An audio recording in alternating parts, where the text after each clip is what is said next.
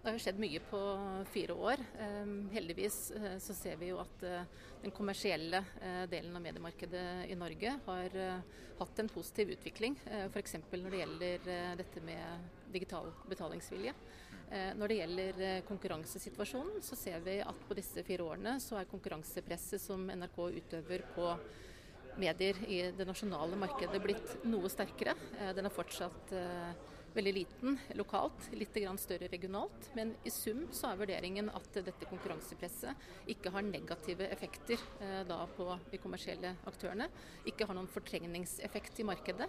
Tvert imot at tilbudet fra NRK bidrar positivt i det totale tilbudet til publikum, og dermed også til mediemangfoldet. Da er det jo tilbudet til publikum eh, totalt sett som må være utgangspunktet. Og Da er også eh, våre vurderinger at eh, i sum så er NRKs tilstedeværelse eh, og NRKs eh, bidrag positivt for det totale tilbudet til publikum, og dermed også mediemangfoldet. Rapporten som er lagt fram i dag er jo godt nytt i så måte og viser at, at NRK ligger akkurat der NRK skal være, også konkurransemessig.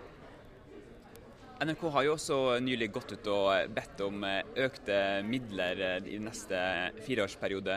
Eh, har du hørt noe her i dag fra Medietilsynet som gjør at du tenker at det er det behov for? Nei, nå skal vi gå i gang med å danne grunnlaget for de fireårige styringssignalene som skal legges fram i 2023, så det blir en del av den debatten. Men det kunne jeg ikke svare på nå.